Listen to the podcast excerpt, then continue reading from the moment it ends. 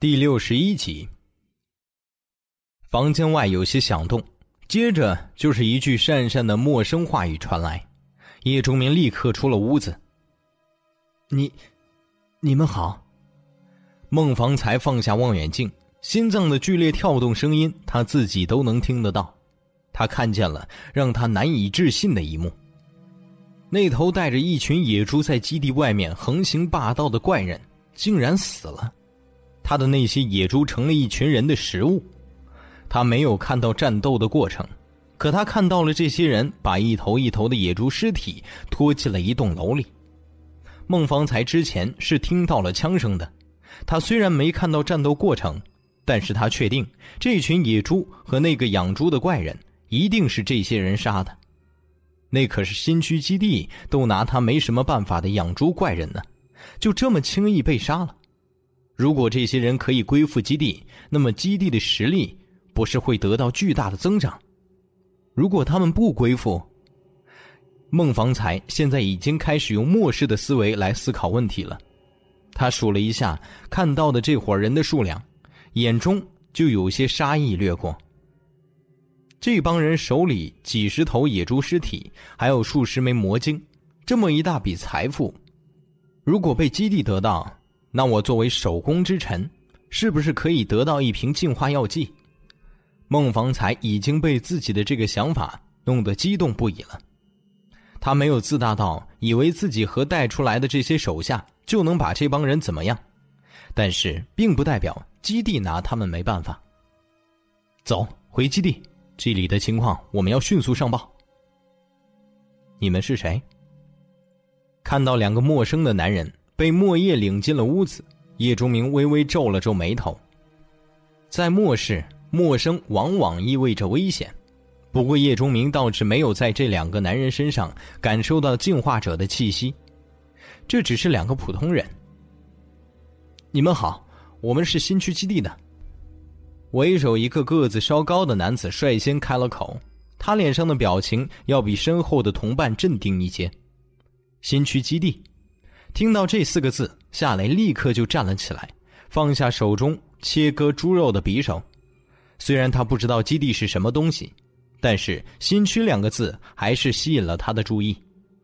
她的丈夫就在新区政府工作，如果新区成立了基地的话，那么很可能她的丈夫就在那里。莫叶显然也是因为这个理由把两个接近的男人带过来的。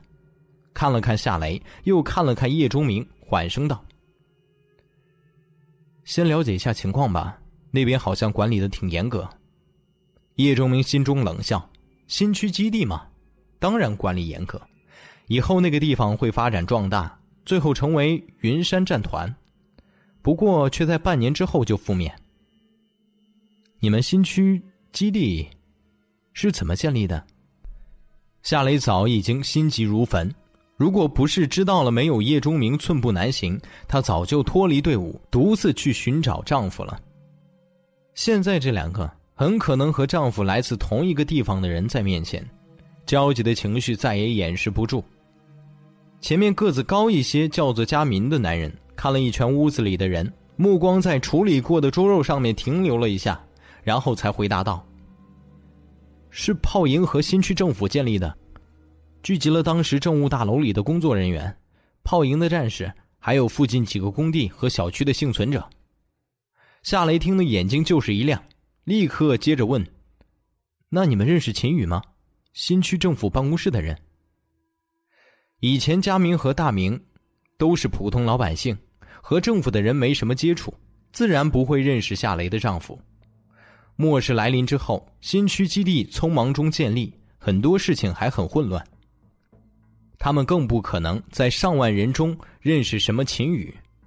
对于两个人茫然的摇头，夏雷眼中闪过一丝失望和黯淡，但马上又被希望所取代。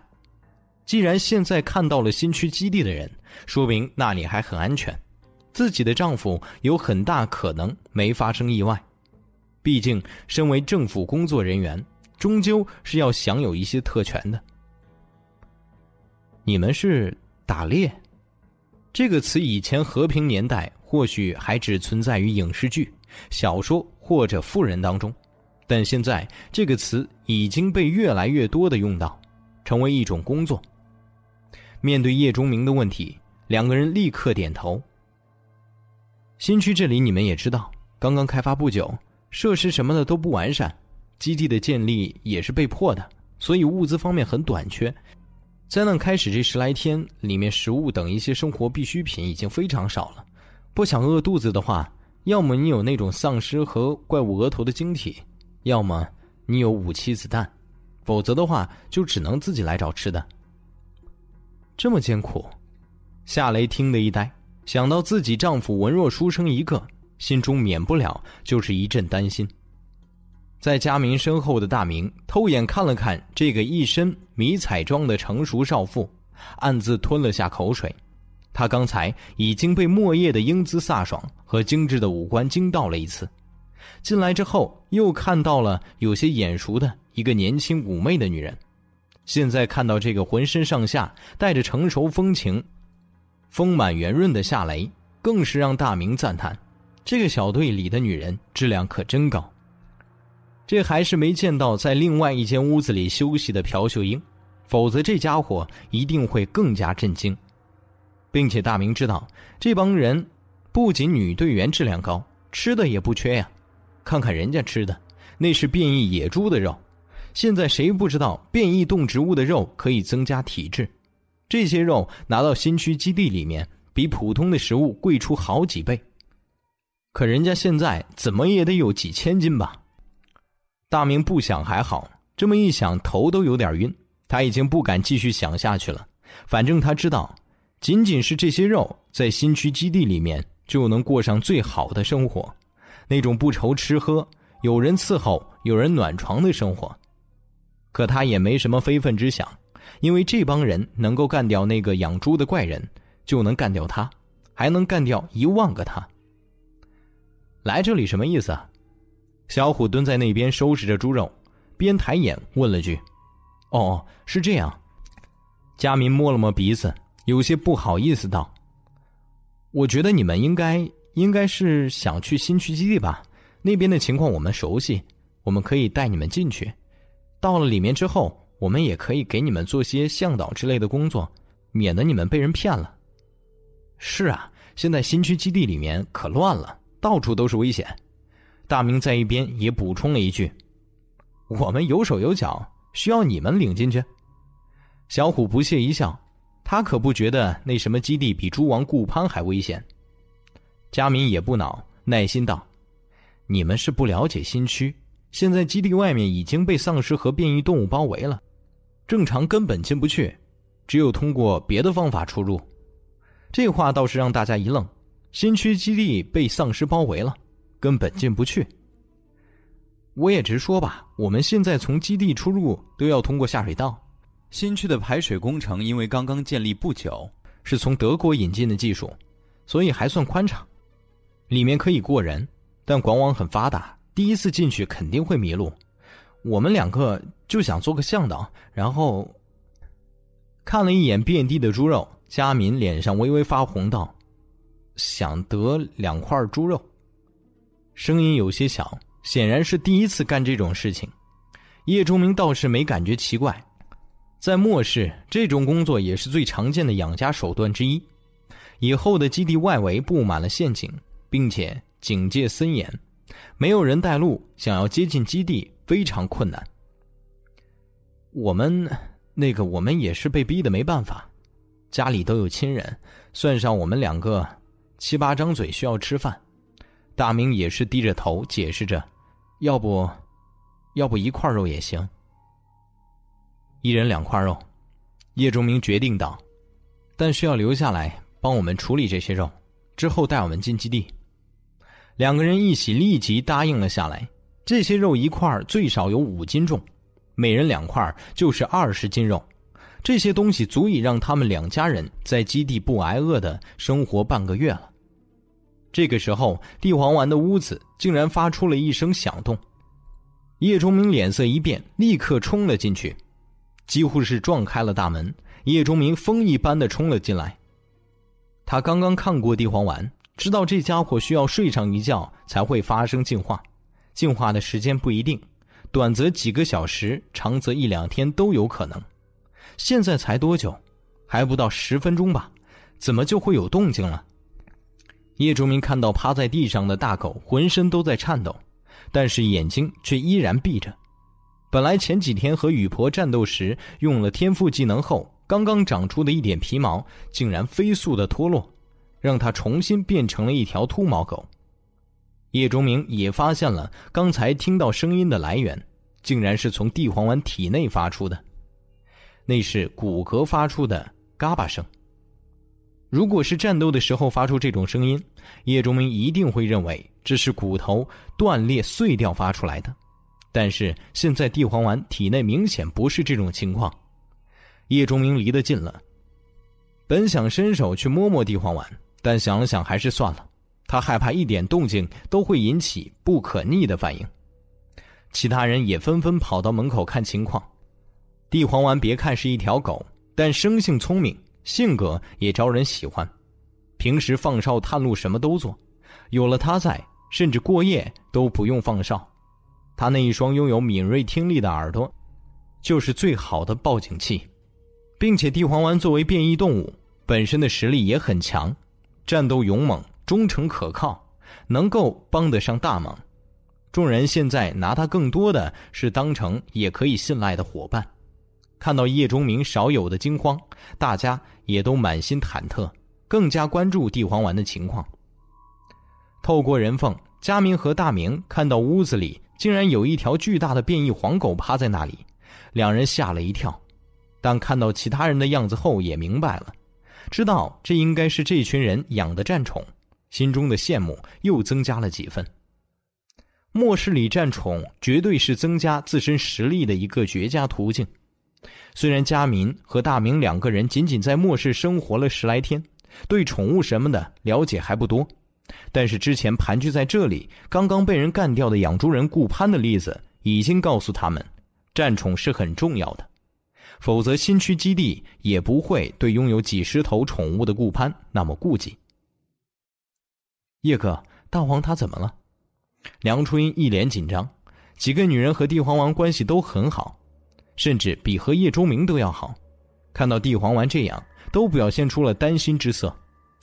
应该是在进化，只是这个过程，叶钟明不太敢确定，有些激烈了。老大，你看地黄丸身上毛长出来了。小虎在后面小声的喊着，生怕打扰到这条大狗。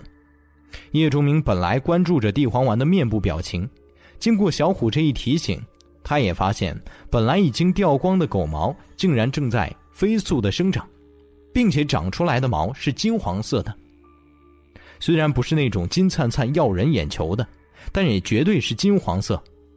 这些毛发生长的速度非常快，几乎就在片刻之间就盖住了地黄丸的身体，特别是颈部这里，毛发变得又长又密，让人想起了公狮子。虽然没有那么夸张。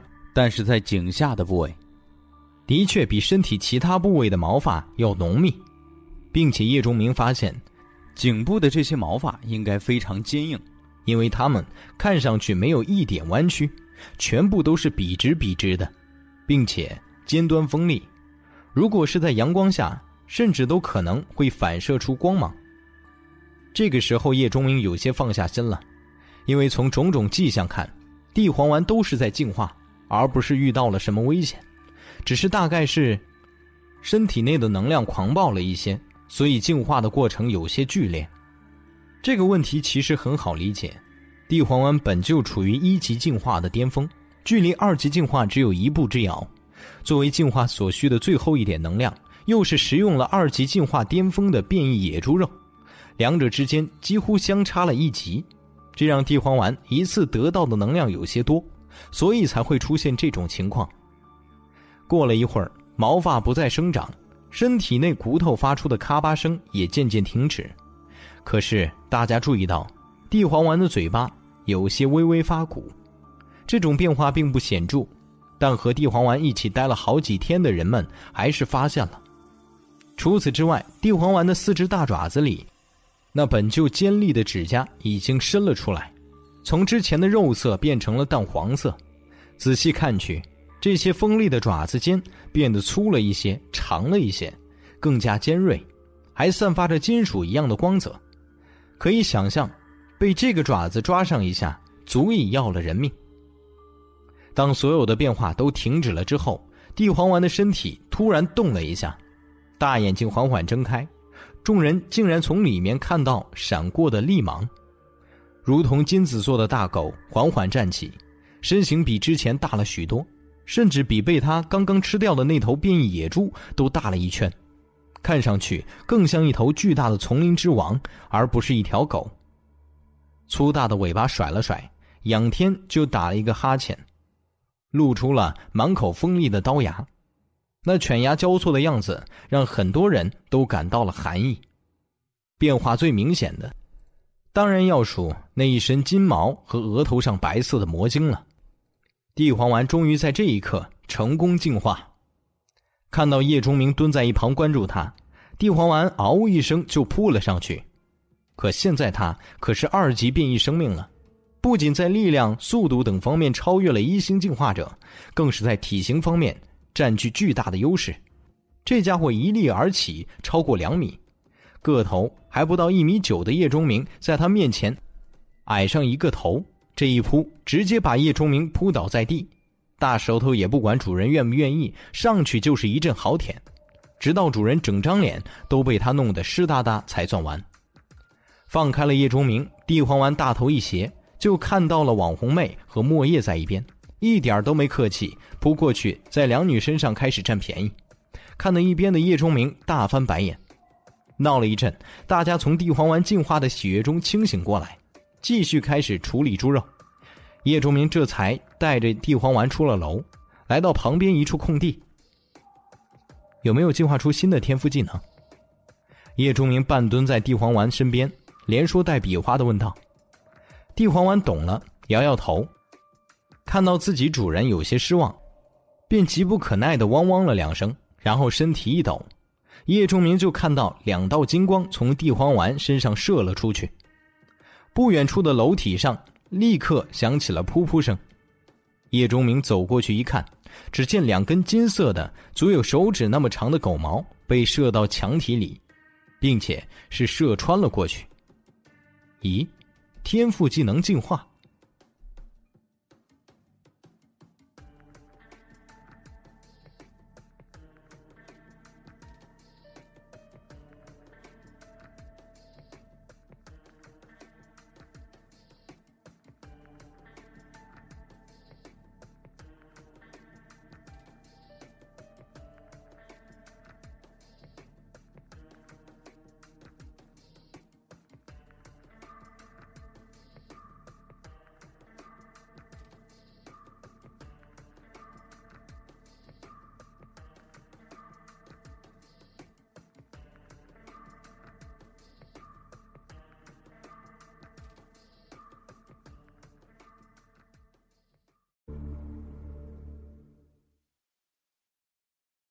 第六十二集。以前地黄丸的天赋技能被称之为细针密线，是很多带有毛发的动物都会拥有的一种技能。这是一种非常不错的群体攻击技能，虽然威力不是特别大，但好在对付起数量众多的敌人，比如丧尸、变异苍蝇、蚊子这些密集型进化生命，效果不错。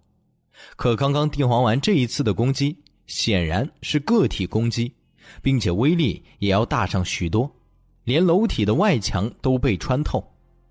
地黄丸没有进化出全新的天赋技能，那么现在用的就是细针密线，可以控制数量和攻击强度的进化版细针密线，这倒是没听说过呀。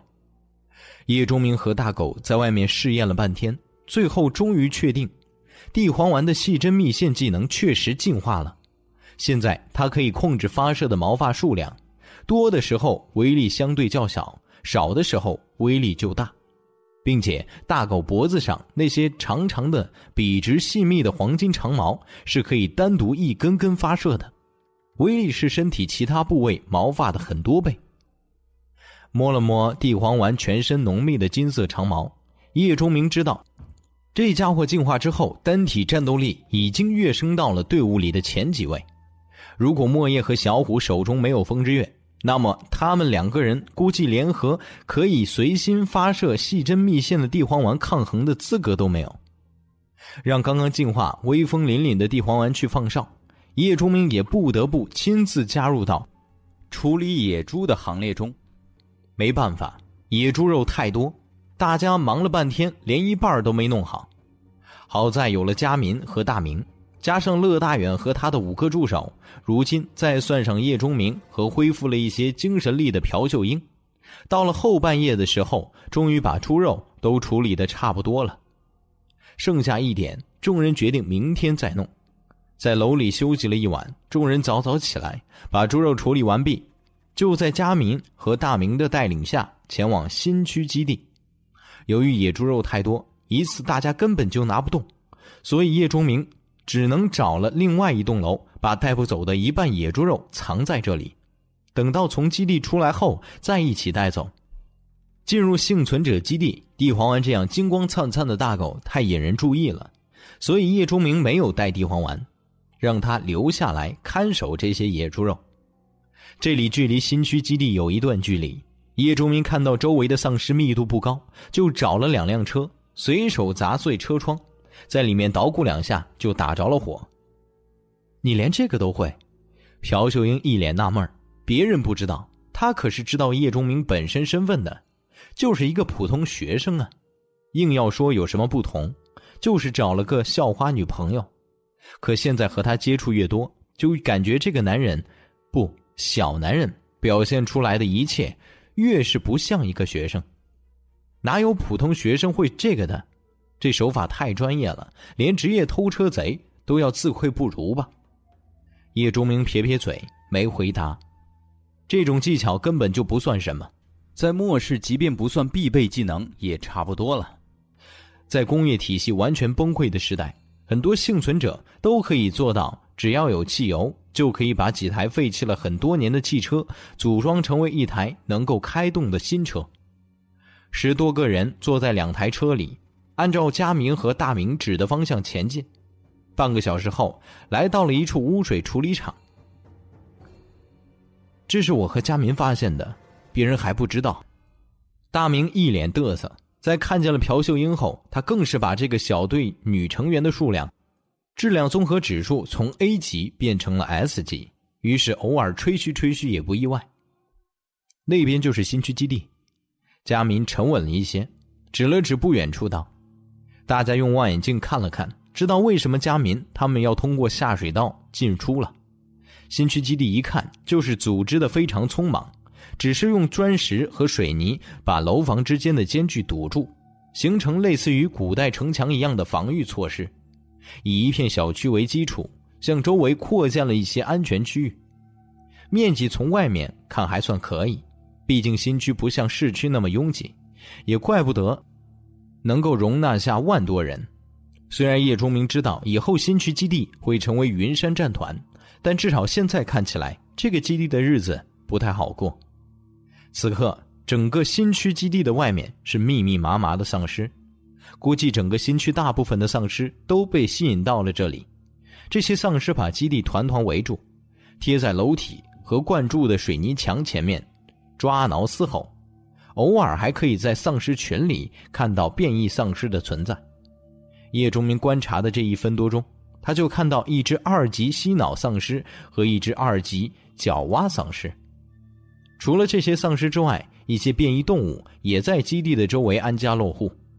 比如在东面靠近道路附近，就有一群超过百只的变异家禽，都是鸡鸭鹅这些，一个个变得如同土狗一般大小，并且飞行能力显著提高，扇动翅膀可以飞行数米高，只是坚持不了很久，飞起来后只能滑行一段距离。这些应该是附近郊区很多农家养的家禽。因为某些特殊原因变异了，由于已经变得血腥食肉，所以聚集在了这里。这群家禽里最高的进化等级已经是二级，并且还不止一只，所以无论是基地的人还是那些丧尸，拿这些变异家禽都没有什么办法。倒是这些家禽经常会攻击一些丧尸来填饱他们的肚子。如此这样，既没有什么危险，又可以随时找到食物，也怪不得这些变异家禽不走。叶钟明发现这一面的城墙之上，守卫明显比其他地方多。显然，基地里的人也不太放心这些有一定飞行能力的家禽，生怕他们飞过城墙攻击基地里的幸存者。基地的日子不太好，在咱们看不到的另一面，那边变异丧尸更多，很多都是二级进化，就是和您的那条大狗一样，额头是白色的晶体，时不时就会对基地发动攻击，几乎每次攻击都会有人死去。佳民带着叶钟明等人来污水处理厂内的一间厂房里，打开了一扇被锁着的铁门，并带头走了进去，一边走一边和大家说一些基地内的情况。大家小心一些，这些通道里经常会出现一些变异老鼠、变异虫子之类。这么危险？听到佳明这么说，乐大远倒是很担心，毕竟他不是进化者。那你们还出来？万一碰到那些东西，你们……怎么办？乐大远没有明说，但意思很明显。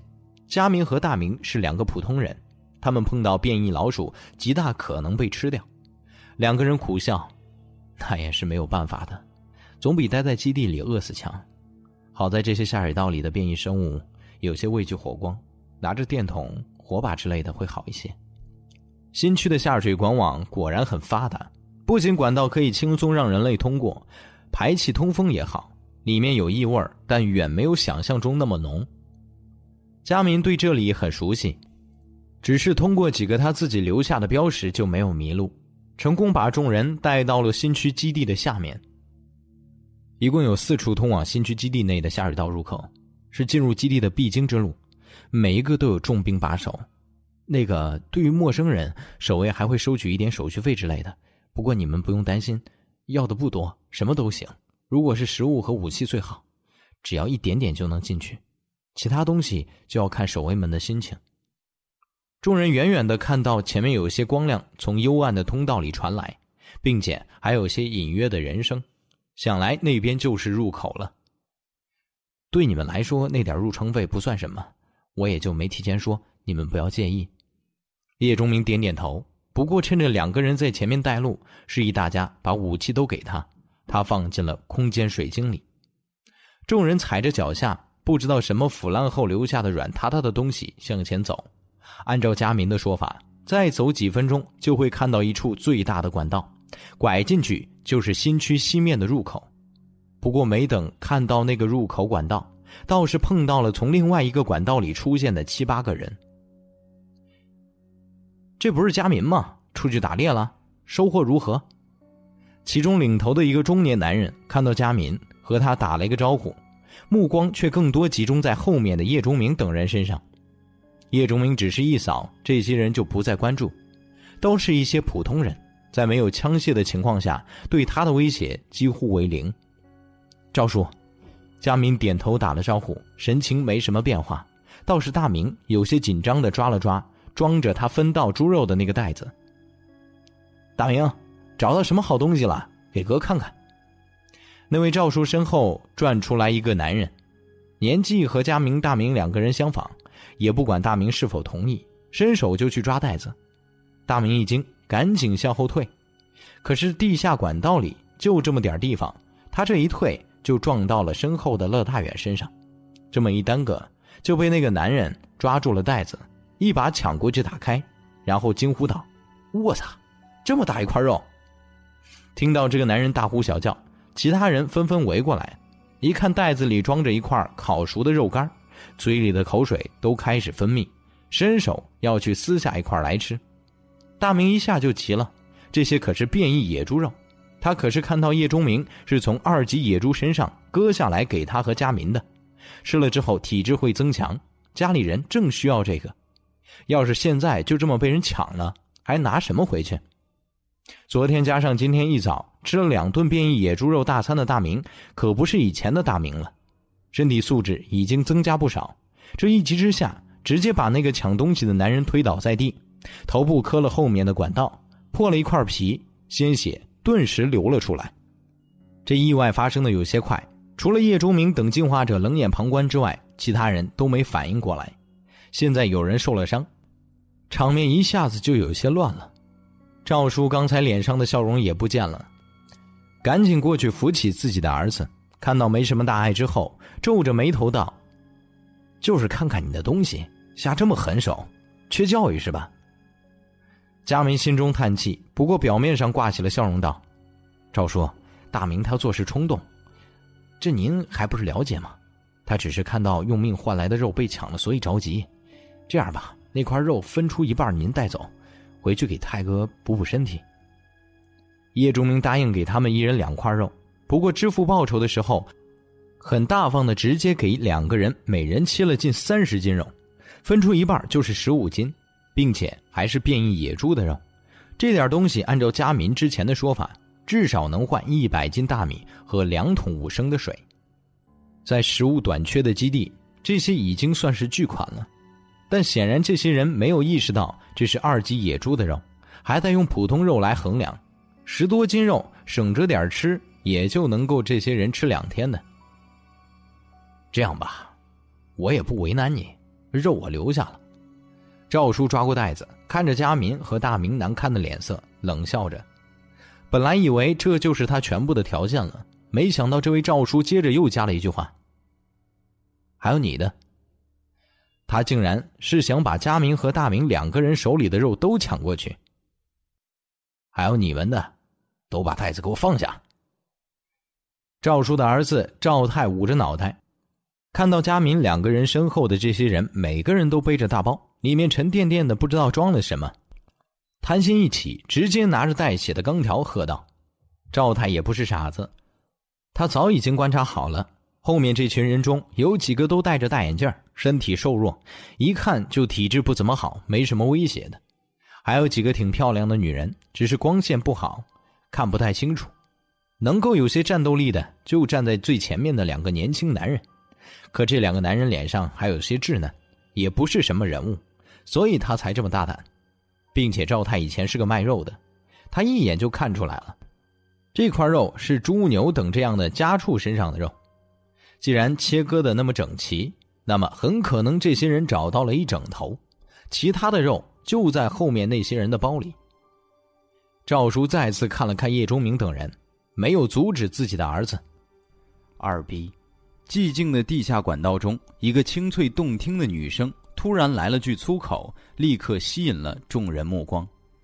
梁初音抱着双臂，把他的 C 罩杯挤得看上去丰满异常。他冷冷的看着这些明显不是第一次坑人的垃圾，不屑的道：“赶紧把肉交回来，然后有多远滚多远。”要说众人中脾气最暴躁的，不是身为武警的莫叶和夏雷。更不是一身书卷气息的朴秀英，而是出身农村、尝过人间疾苦的网红妹梁初音。因为从事平面模特、群众演员、酒吧歌女等多个职业，碰到麻烦的时候很多，这养成了梁初音泼辣的性格。用他的话说，不厉害点儿，早就被人吞的渣子都不剩了。佳明和大明两个人被欺负，他一直冷眼看着。毕竟这两个人不是同伴，他没必要为他们出头。不过，只要叶钟明在他的视线里，他有一大半精力是放在这个男人身上。他看到这个男人刚才皱了皱眉，立刻知道这一群人引起了叶哥的反感，所以立马站了出来。梁春英觉得这就是小弟应该做的事情。当然，他希望暂时是小弟，以后身份可以升一升。混蛋，你敢骂我？看我今天不收拾了你！看到梁初音走到前面，借着火光一看。竟然是个风流妩媚的漂亮妞，赵太眼中欲望大起，伸手就去抓网红妹的胸，动作极其猥琐下流。这一下彻底激怒了梁初音。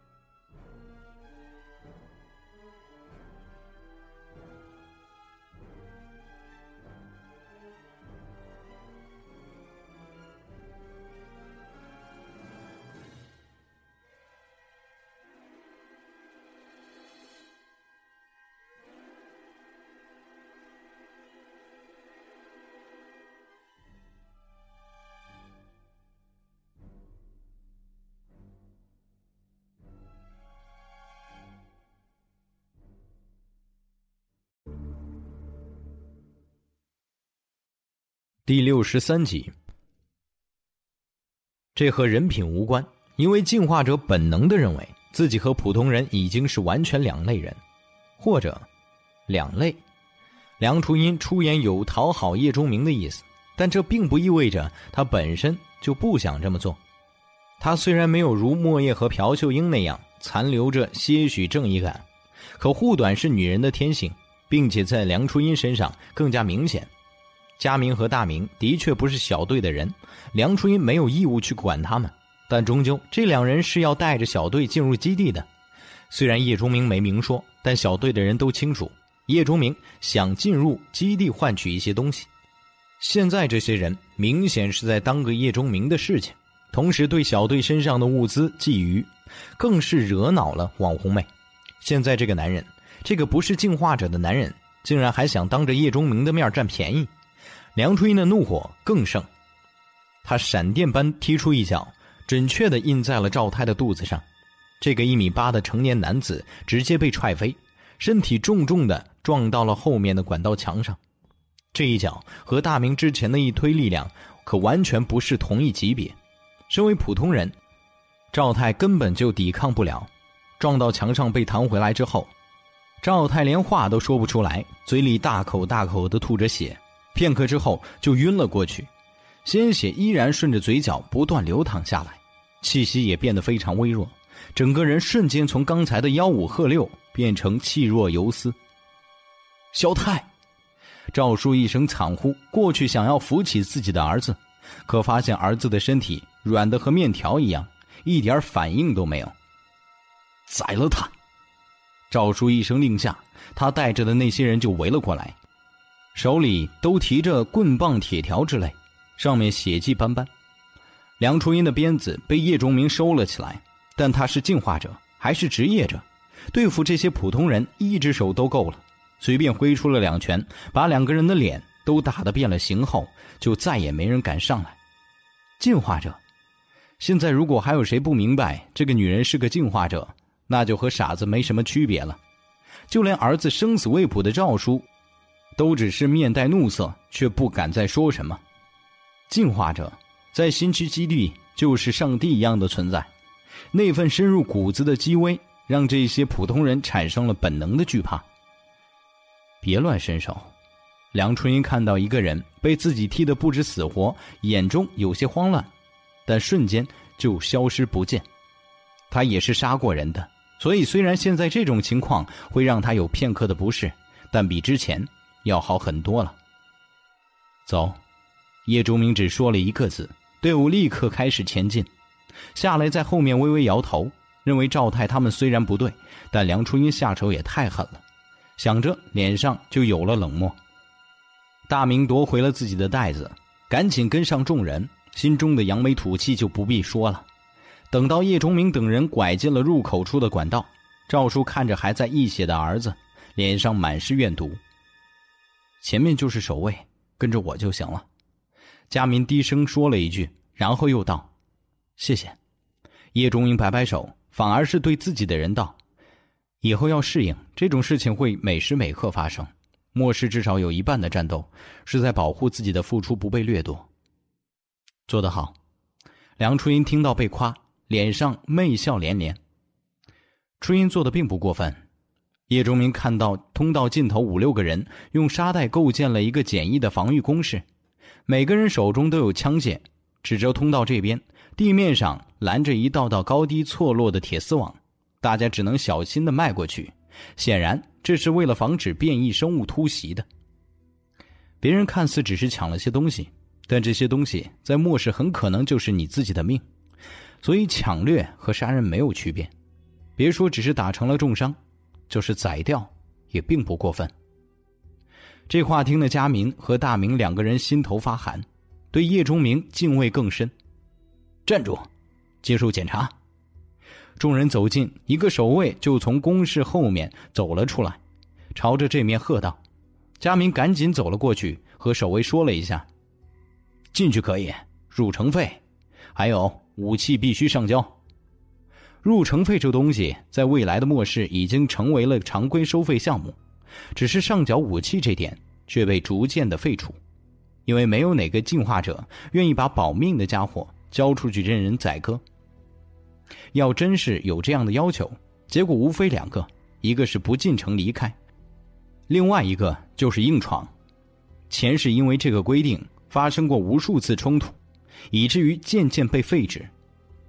只是现在末世刚刚开始，手里有点势力的，就会想尽办法保障自己的利益和基地的安全，收缴武器就是最重要的一点。所以叶钟明在之前就把武器收了起来。佳明赶紧从包里掏出了一块肉，看上去足有两三斤，这些肉足以让这些人全部通过了。这个举动赢得了叶钟明的一丝好感。这个佳民做事稳重周全，很是难得。卫兵看到了这些肉时，脸色好看了一些，目光在众人身上一转，就落在了那些大包上。都打开，接受检查。佳明面露难色，他很清楚包里的东西被基地的人看见后会造成多大的震动。给他们看。叶忠明率先把自己的包拿下来打开，其他人也纷纷照做。那个士兵只是看了一眼，嘴巴就再也闭不上了。这得是多少肉啊！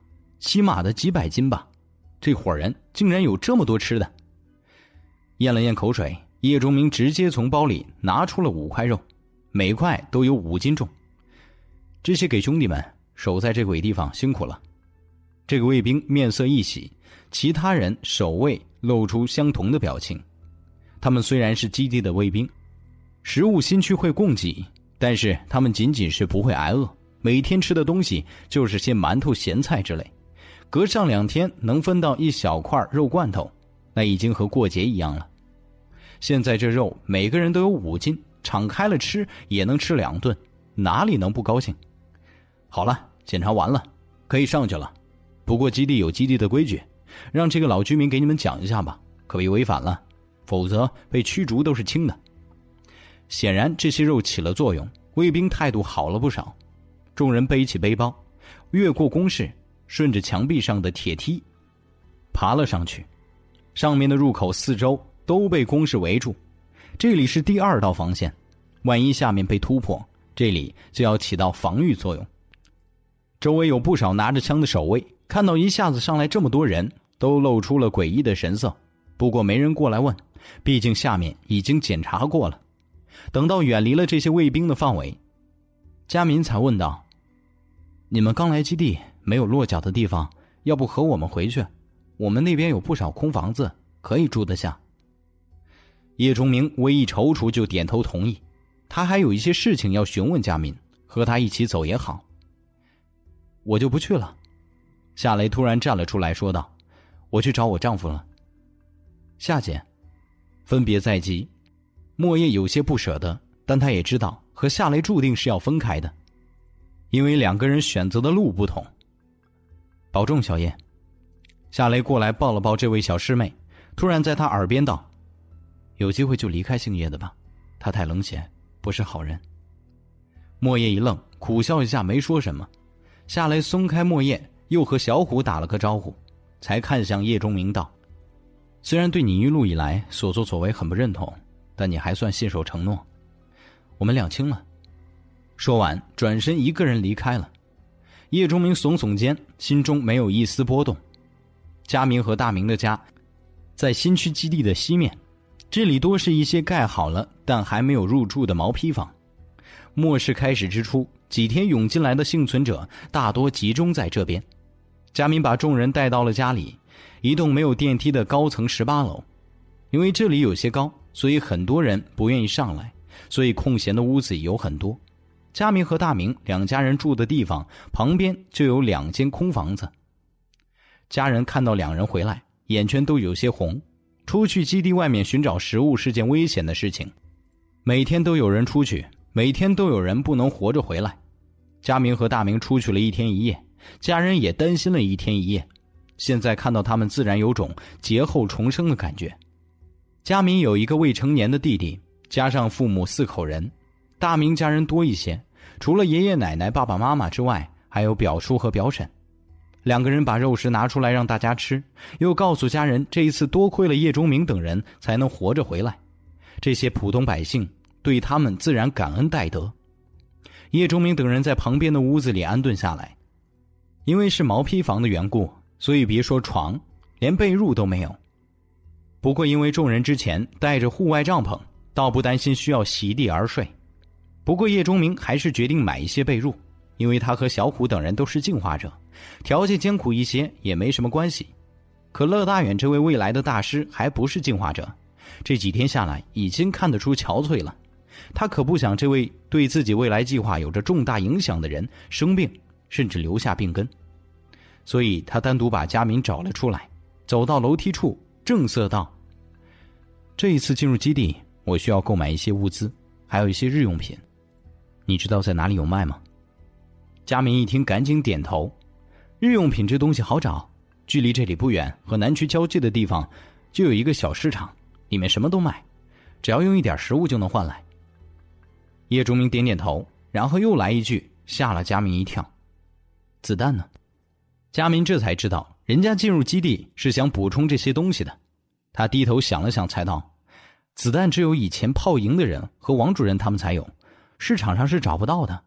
不过，我听说新区里有个黑市，里面偶尔会有子弹出售。黑市？”叶忠明倒是一愣，没想到新区基地刚刚建立了几天，竟然已经有黑市存在了。看来人类对于末世的适应力远远超出了想象。既然有了黑市，那么，叶忠明接着问道：“那你有没有发现过出售一些比较奇怪东西的人？”这倒是把佳明问愣了，小心翼翼的说：“您说的奇怪的东西指的是什么？比如卷轴、证书、药剂，还有些你不认识的材料之类。”佳明想了想。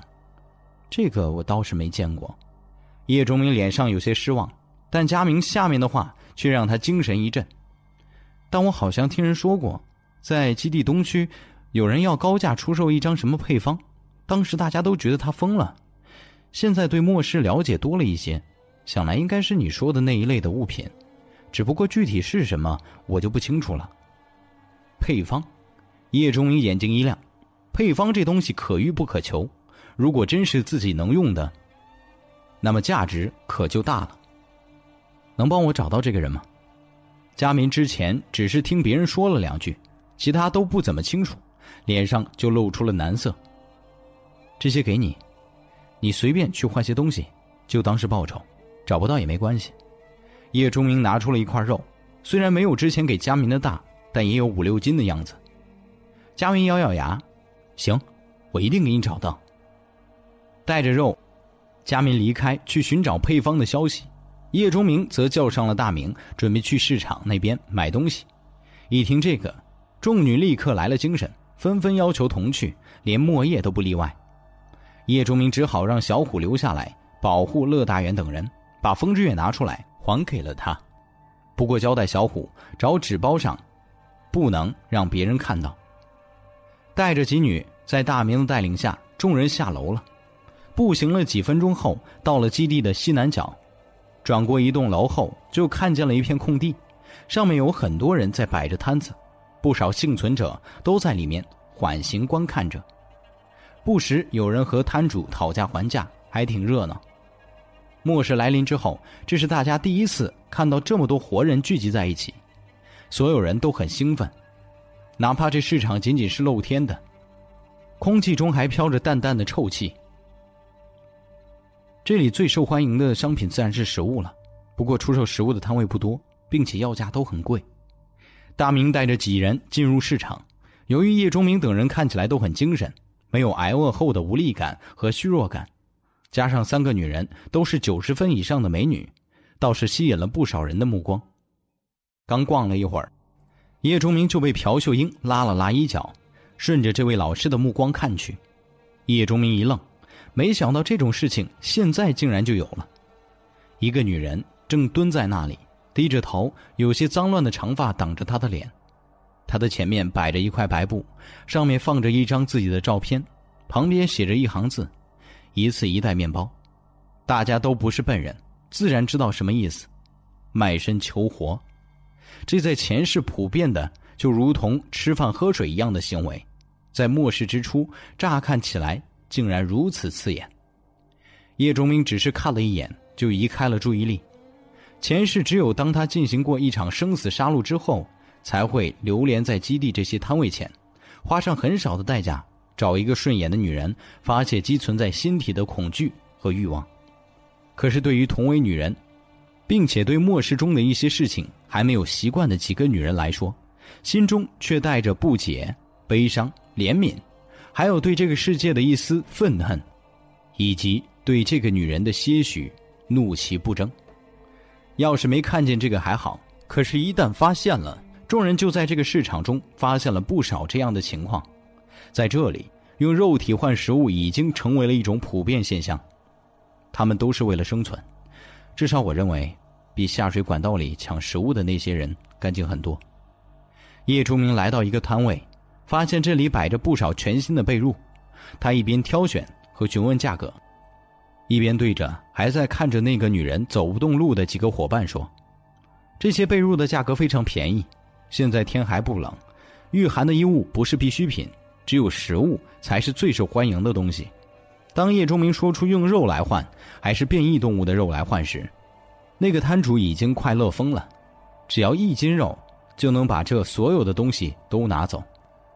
叶钟明也没还价，直接把一块切好的一斤多肉丢给了这个摊主。然后让众人过来拿东西，摊主接住肉，吞着口水，小心翼翼的藏在了衣服里。他是不会吃这东西的，他要拿着这块肉去基地官方的收购点换东西。这肉要真是变异动物的肉，那么足以换来他一家三口一个星期所需要的食物和水。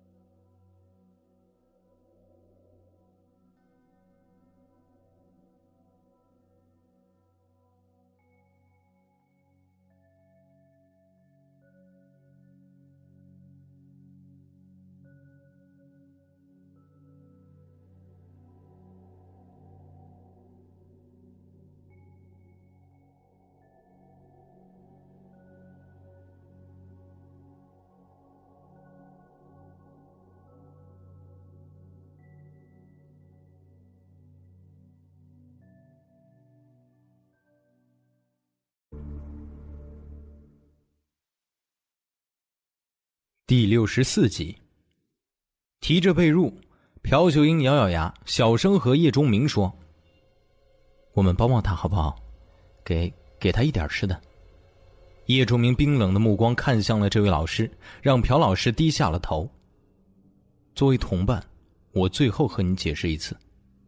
叶钟明指着那个女人，又指了指其他地方这样用身体换食物的女人，道：“你给了她食物。”就要给其他这样的女人食物，给了这些女人食物，就要给市场里所有人食物。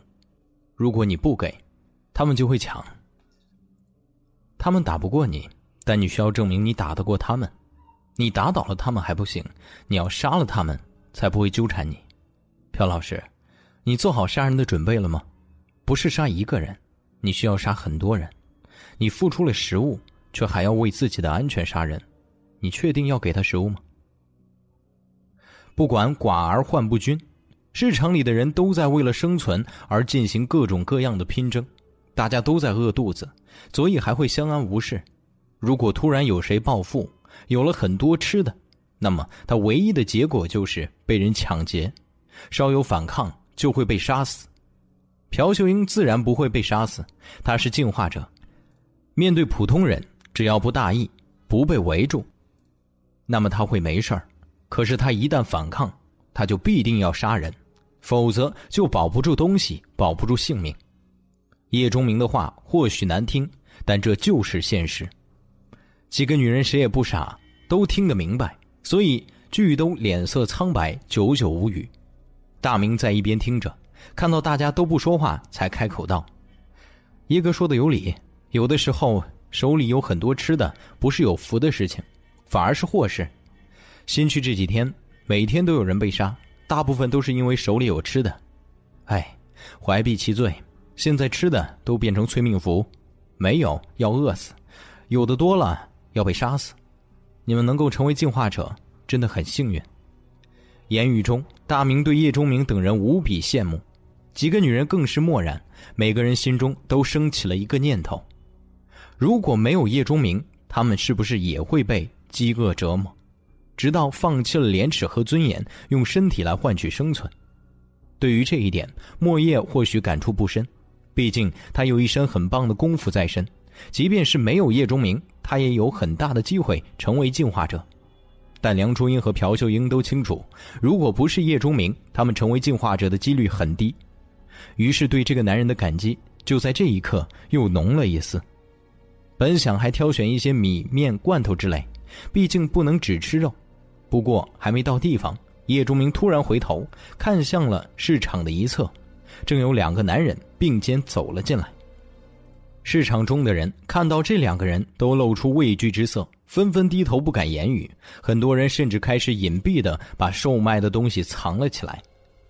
谁？叶忠明低声问。大明立刻回答：岳超和杨石龙，都是进化者。这两个进化者四处看了看，竟然走到了刚才叶钟明等人看到的那个女人身前，低头看了看照片。两个人中魁梧一些的岳超道：“抬起头。”这个出卖身体换取食物的女人一反常态，飞速的摇着头，嘴里不断重复着：“我不做了，我不做了。”贱货，给脸不要！杨世龙一脚把女人踢倒，虽然没用力，但进化者的力量哪是普通人可以抗衡？这个女人捂着被踢的肩头，露出了被长发遮挡的脸，竟然异常清秀美丽，只是此刻脸上满是掩盖不住的惊恐。岳超拿出一袋面包，扔在了女人的脸上，然后拽着女人的头发就向市场外面拖，边拖嘴里还骂着：“不识抬举，说出来卖的还说不做，装什么装？”整个市场的人都静静的看着这一幕，听着女人的苦求，可却无人敢管，眼睁睁看着两个进化者把这个女人带走。朴秀英有些气愤道：“这两个人怎么这样？强迫人家有意思吗？”那个女人不是，怎么会不愿意去呢？梁春英更不解，为什么那个女人会激烈反抗？进化者如何和普通人发生关系？不收着点的话，普通人会被折磨死。那两个人肯定做过类似点事情，所以那个女人才不愿意跟他去。大明听到叶忠明这么说，连连点头：“叶哥，你说的太对了，这两个畜生，压根儿就不拿普通人当人。”这几天被他们弄死的女人有三四个了，名声早就臭了。这里的进化者就是这样，在基地里，说一不二，生杀予夺。三女一脸惊愕，这才明白是怎么回事。是啊，进化者的男人要是只顾着自己爽快而不顾女人，那女人，他们已经不敢想象了。混蛋，要不是三个轮盘都被他们控制着，哪容得他们这么嚣张？叶钟明一愣，蓦然抓住了大明的手臂，问道：“你说什么？这里有几个轮盘？”叶哥，叶哥，有点疼。大明瞬间满头大汗，被叶钟明这一抓，差点没把他胳膊捏断。叶钟明松开了手，对大明表示歉意。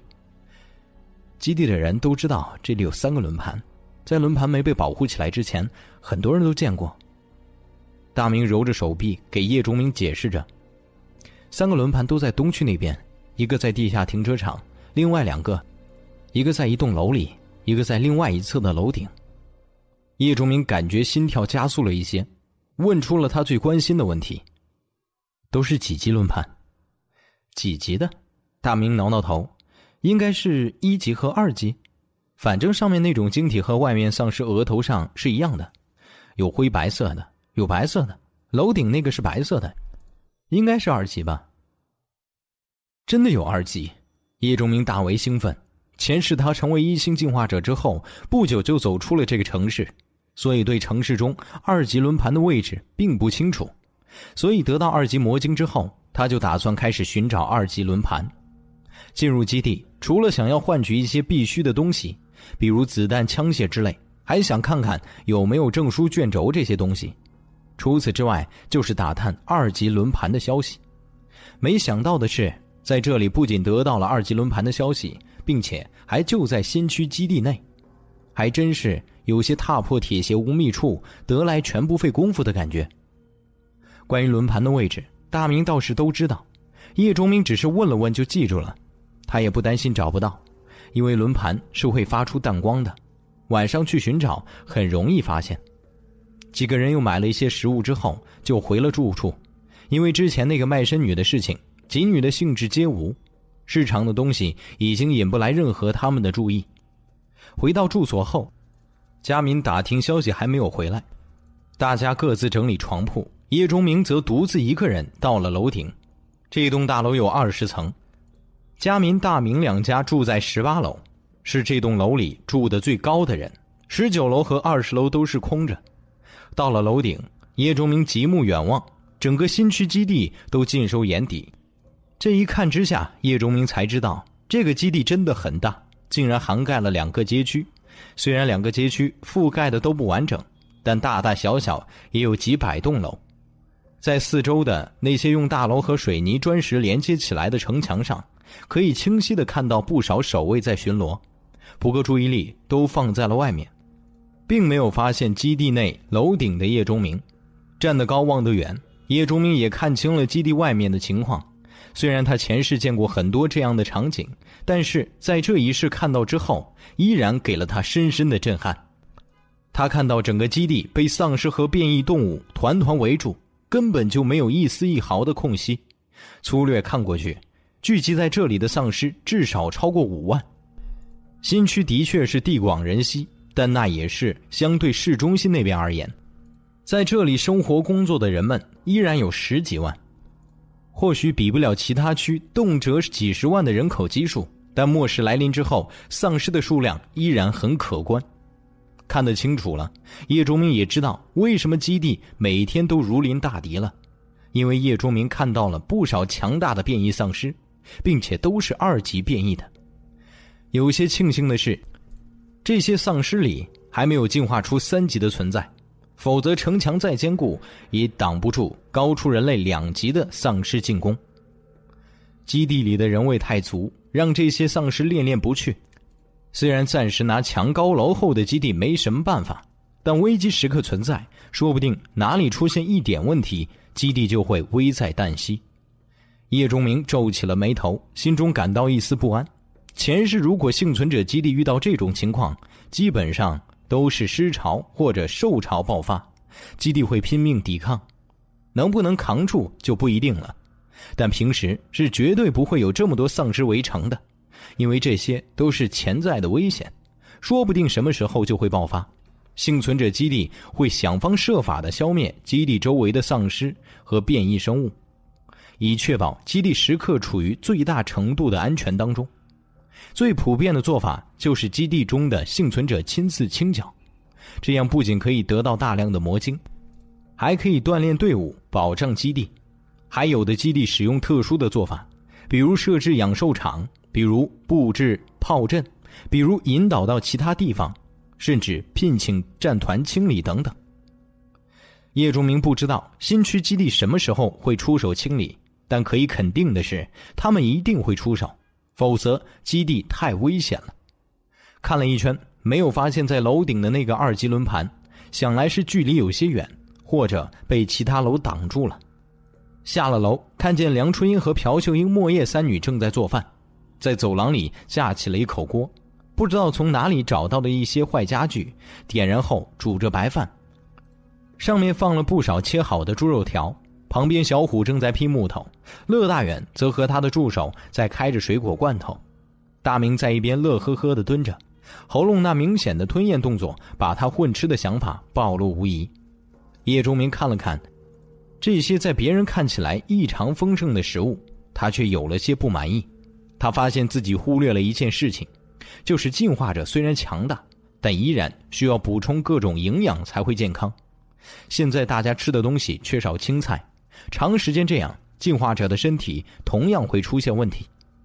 进化者只是在普通人类的基础上强化了自身各方面的素质，并不意味着就是饮水可饱的神仙。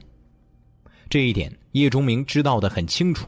想了想，叶钟明和众人打声招呼，让小虎和大明跟着他就下了楼，找些东西装土，尽量挑选肥沃一些的。叶钟明一声令下，小虎和大明就忙碌了起来。虽然不知道老大要干什么，但干得很起劲。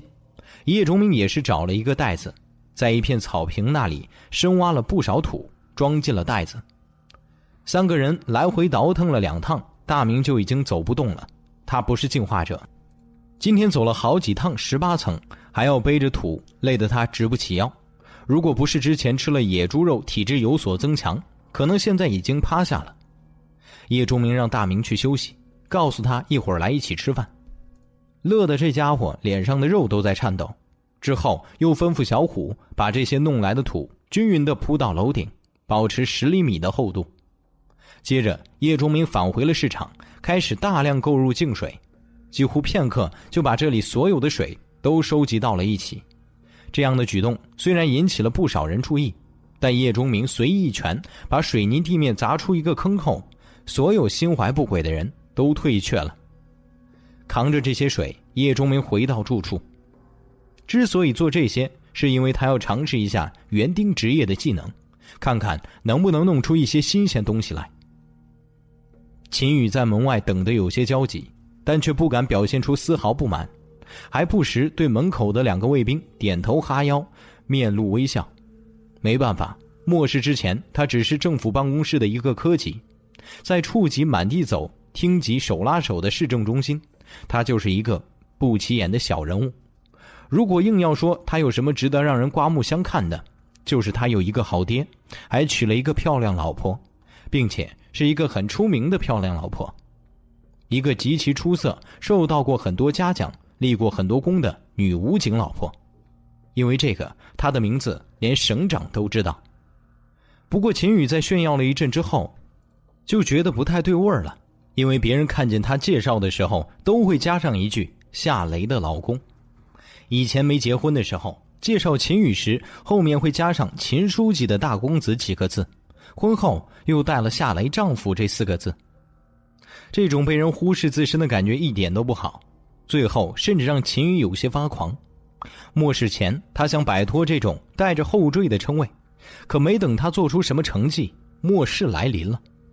自己的父亲在当天就变异成了丧尸，自己的妻子在武警总部值班，一下子两个光环都消失了。秦宇本来感到了前所未有的轻松，可现实却把他击得粉碎。他发现离开了他的父亲和老婆，他真的什么都不是。他不再享有父亲带来的特权，也不再享有妻子带来的艳羡，他手无缚鸡之力，连吃饭都成了问题。好在。他懂得搞关系这一套，靠着给王主任的一位心腹手下打杂，倒也可以混到一点食物和水。可是秦宇过得并不好，那位王主任的心腹对他非打即骂，极尽侮辱之能事。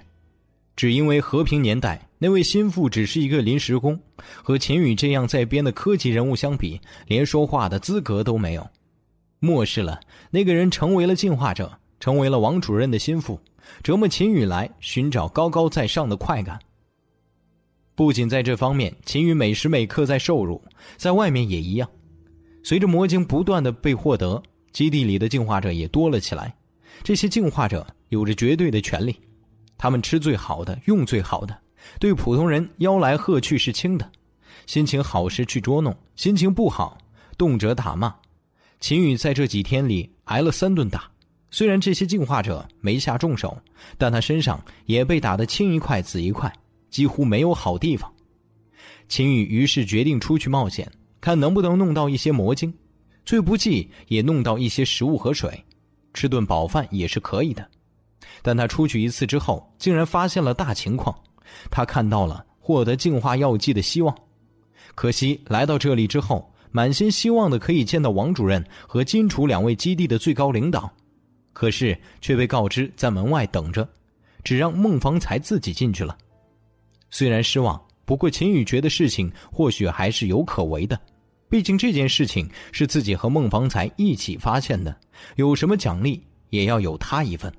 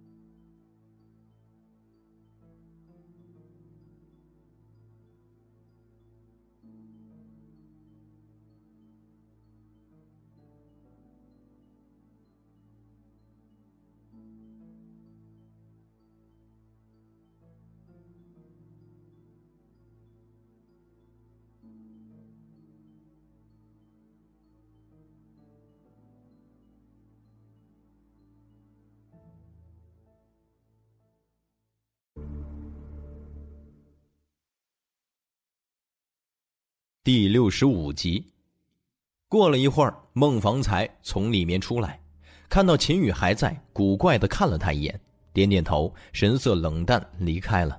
这让秦宇有些不知所措，心说这是怎么了？和我一句话都没有。他咬咬牙，就准备进去见见两位领导。他以前就会溜须拍马，末世的这几天让他刻骨铭心的遭遇，更是让秦宇。压根儿就忘记了脸皮之类的事情。在把那包皱皱巴巴的烟都塞给了卫兵之后，才让两个卫兵答应进去通报一声。秦宇搓着手，希冀的等着。仅仅过了半分钟，门再次被打开，卫兵出来了。一起出来的还有那位王主任的心腹。走近，秦宇上去就是一记耳光，打的秦宇从嘴里飞出了几颗牙齿，人歪倒在了走廊的椅子上。你什么身份？就想见主任和金大厨？活腻歪了是不是？赶紧滚蛋，回去给我洗衣服！王主任的心腹这一句话让秦宇面如死灰。里面的人，那两位领导压根儿就不在意自己，压根儿就不在意自己的请求，人家根本就没拿他当回事儿。秦宇瞬间有些愤怒，也不知道从哪里来的勇气，从椅子上站起来，直接冲向了办公室，嘴里还高喊着。我也是发现了那个队伍的人，我也是看见了他们和野猪怪人对抗的人之类的话。可是两个刚刚被他贿赂过的卫兵丝毫没有客气，坚硬的枪托雨点般砸在了秦宇的身上，把他打得满地打滚最后实在忍不住了，痛苦求饶，跪在地上给人连连磕头，只求卫兵不要打死他。最后还是王主任的心腹出面替秦宇求了一句情。卫兵才看在办公室里没什么动静的情况下，放过秦宇。赶紧滚蛋！我回去之前不把衣服给我洗完，有你好看的。这位心腹哼了哼，然后又冷声道：“这次洗衣服就用我早上的洗澡水。我要是发现你动了我喝的水，我弄死你！听到了吗？”秦宇哪敢不听，连连点头。屋子里，一个穿着整洁黑色西装的中年人手里夹着一根雪茄，耳朵听着外面的动静，笑了笑：“这秦书记的公子，真是越活越回去了。”他的对面，一个白白胖胖的大胖子眯着眼睛在笑。离开了那栋留下了他的鲜血，也留下了他的尊严的秦宇，行尸走肉一样向回走着。进了自己住的地方，迎面就走过来一个人。他认识是伺候另外一个住在这里的进化者的保姆，据说两人是亲戚。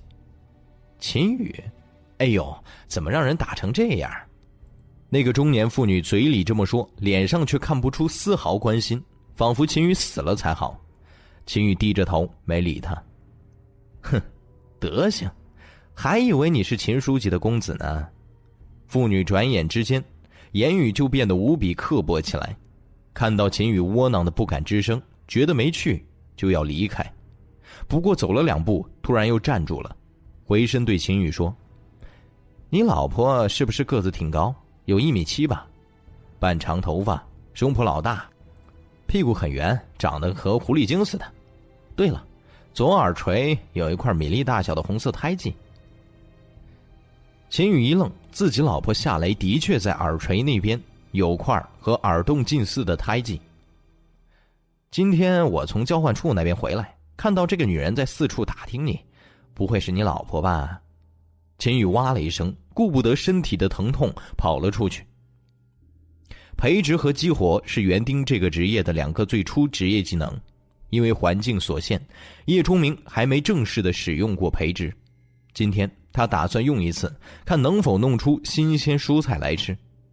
因为获得了园丁职业的缘故，到新区基地这一路上，他特意找到了一家种子商店，拿了不少各式种子，从空间水晶里掏出了一袋白菜籽儿，均匀地撒在了小虎弄好的那块人工土地上，轻轻盖上土，浇了些水。叶钟明蹲在这块人工田旁边，就使用了培植技能。严格来说，这是叶钟明第一次使用培植技能，因为这是一种。持续性的技能需要一定时间和固定的地点。以现在叶钟明的流浪状态，他暂时没有条件去完成这样的持续性技能。不过，园丁这个职业毕竟和普通园丁是不一样的，它的作用就和末世里千千万万个职业一样，都带着神奇的属性，终究还是可以体现出不少优势的。比如在培植普通地球植物上。变异植物的种子是园丁培植技能的主要对象，那需要一定的时间和庞大的精神力才能够培育成熟之后产生作用。可地球上的普通植物毕竟比变异植物弱小太多，所以叶钟明打算用这些练练手，等可以稳定下来后，就开始培植从铁索囚徒那里得来的食人花种子。手掌轻轻按在那一层人造土地上，在培植技能之下，缓缓把精神力。注入到土壤里面，叶钟明本来睁着眼睛，但是片刻他就闭上了，因为他从土层上面看不出来什么，但是手里持续发出的精神力竟然如同发出的一条条触手，顺着土层开始向远处蔓延。这种感觉就像那些精神力变成了叶钟明身体的一部分，根须一般在土层里面延伸着，每碰到一颗白菜种子，就会成为一个脑海中的节点。每一个节点被触碰到，就会亮起。片刻之间，所有的种子都在叶钟明自己的脑海中被点亮。这些种子之间以精神力互相联系在一起，形成了一张复杂而庞大的光网。当精神力以叶钟明为放射点，沿着光网依次传递，叶钟明可以明显的感觉到那些代表白菜种子的光点在逐渐变亮。他知道这是白菜种子在生长。这是一种很奇妙的感觉，让你感觉到了掌控生命的畅快感和兴奋感，甚至感觉到光点的长大，这让叶钟明有些上瘾，下意识的加快了精神力的输出。等他察觉到的时候，发现精神力已经没有了一百多点，吓得他马上停止了输出。这一下立刻让他睁开眼睛，眼前的景象让他一呆。只见本来还光秃秃的这块土地之上，竟然冒出了翠绿色的小芽，发芽了。哪怕叶钟明确定这些都是自己刚刚做的，但依然有种不现实的感觉。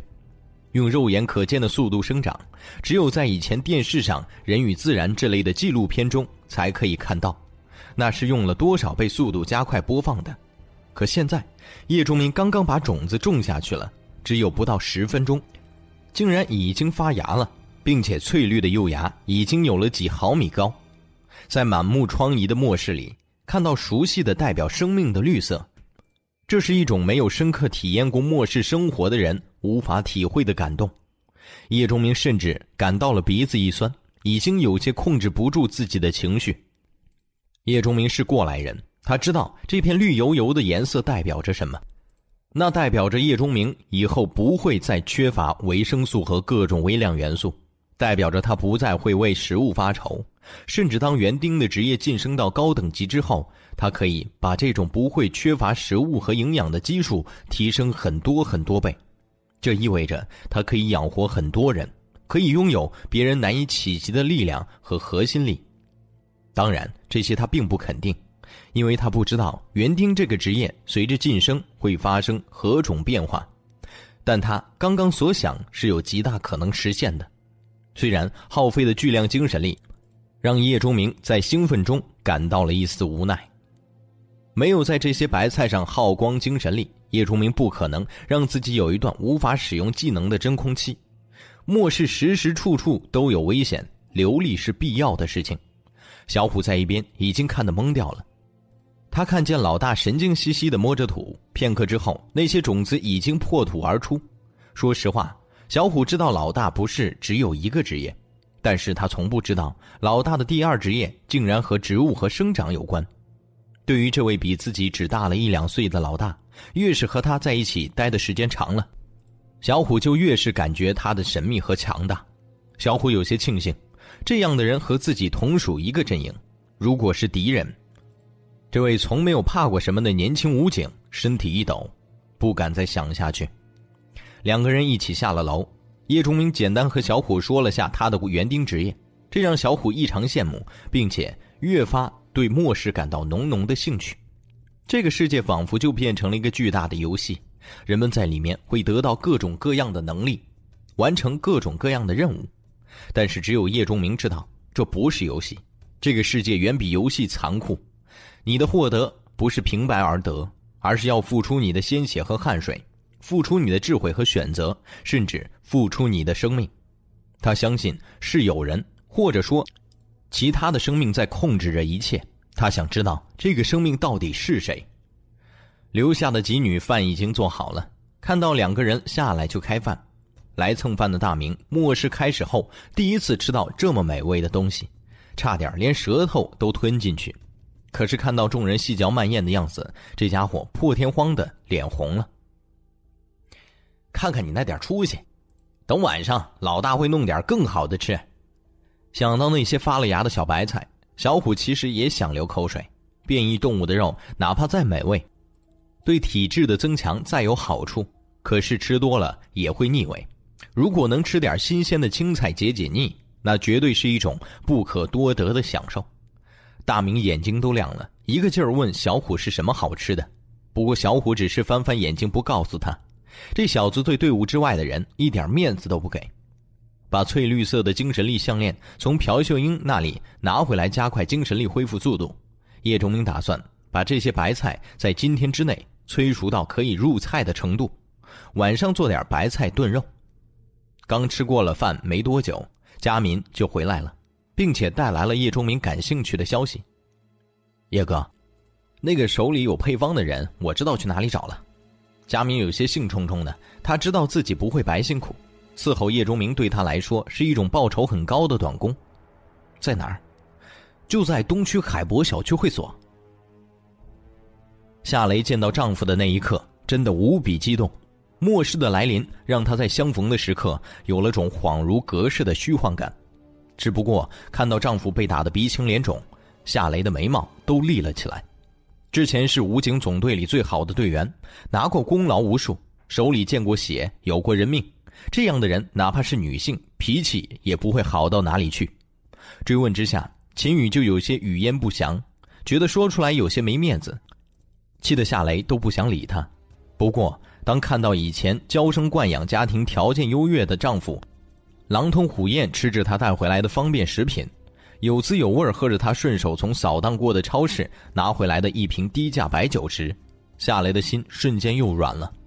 她已经有些理解手无缚鸡之力的丈夫要在一个什么都看实力是否强大的世界里独自生活的不容易，特别是她还得知了自己的公公在末世来临的那一刻就已经异变成了丧尸，丈夫失去了一辈子最大的依靠。小雷，这东西真好吃，以前我怎么没发现呢？秦宇吃饱喝足，躺在已经有些馊味的床上，满足的打着饱嗝。夏雷一边收拾着屋子，一边嗯了一声，心里想的是：这要是让丈夫吃到平时和小队在一起时的伙食，她还不把舌头都吞下去？幻想着丈夫滑稽的场面，夏雷就不自觉的露出了微笑。夏雷本就很美。当时进入武警总队的时候，引起了很大的轰动。现在成为人妇，也不再打打杀杀，更是增添了成熟女人的万种风情。加之末世这些天，跟着叶钟明小队不愁吃不愁喝不愁穿，干净清爽，没有一点憔悴的样子，让他和末世里的女人比起来迥然不同。秦宇躺在床上，看到自己的老婆这么美，就有些蠢蠢欲动，突然起身就从后面抱了过来。夏雷吓了一跳，随即就有些好笑，柔声道：“想我了。”“是，想死你了。”秦宇说着，手就有些不老实，闻着爱人身上的味道，瞬间就有了感觉。不过下一秒，他就感觉到下身一阵剧痛，哎呦一声，放开夏雷，蹲了下来，捂着下面直叫唤。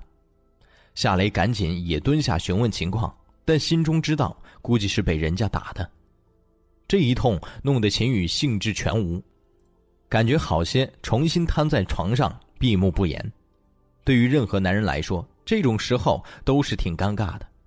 夏雷刚想安慰自己丈夫两句，房门突然被踹开，一个穿着利落户外装的男人黑着脸就走了进来。秦宇，拿我的话当放屁是不是？说完这句话，突然看到夏雷存在。目光在那凸凹有致的身体上扫过，挪到脸上时，更是瞬间露出了惊艳之色。潘潘哥，秦宇弹簧一样跳了起来，小跑到这个闯进来的男人面前，一脸讨好之色道：“这这不是我爱人找我来了吗？所以我就给忘了。现在现在我马上去给您洗衣服。”干什么去？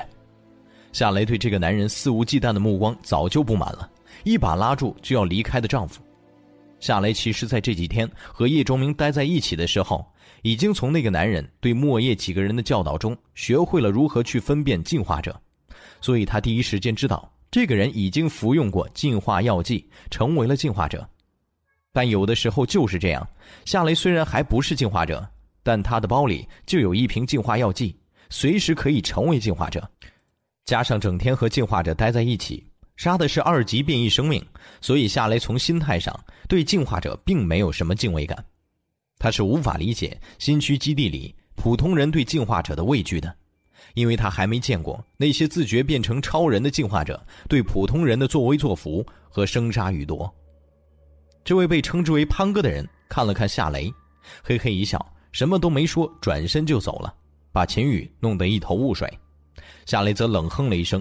心中就有些不太好的预感，考虑是不是去找叶钟明他们，要来一把枪防身。看着一直伺候的进化者转身离去，秦宇一脸惊恐的和分开已久的爱人并肩躺在床上，却翻来覆去的睡不着，心中想着得罪了潘哥要怎么办。夏雷则在一边安静的侧卧着，看着自己肿头肿脸的丈夫忐忑不安懦弱的样子，早没了相见时的兴奋，脑子里一团浆糊。只剩下发呆了。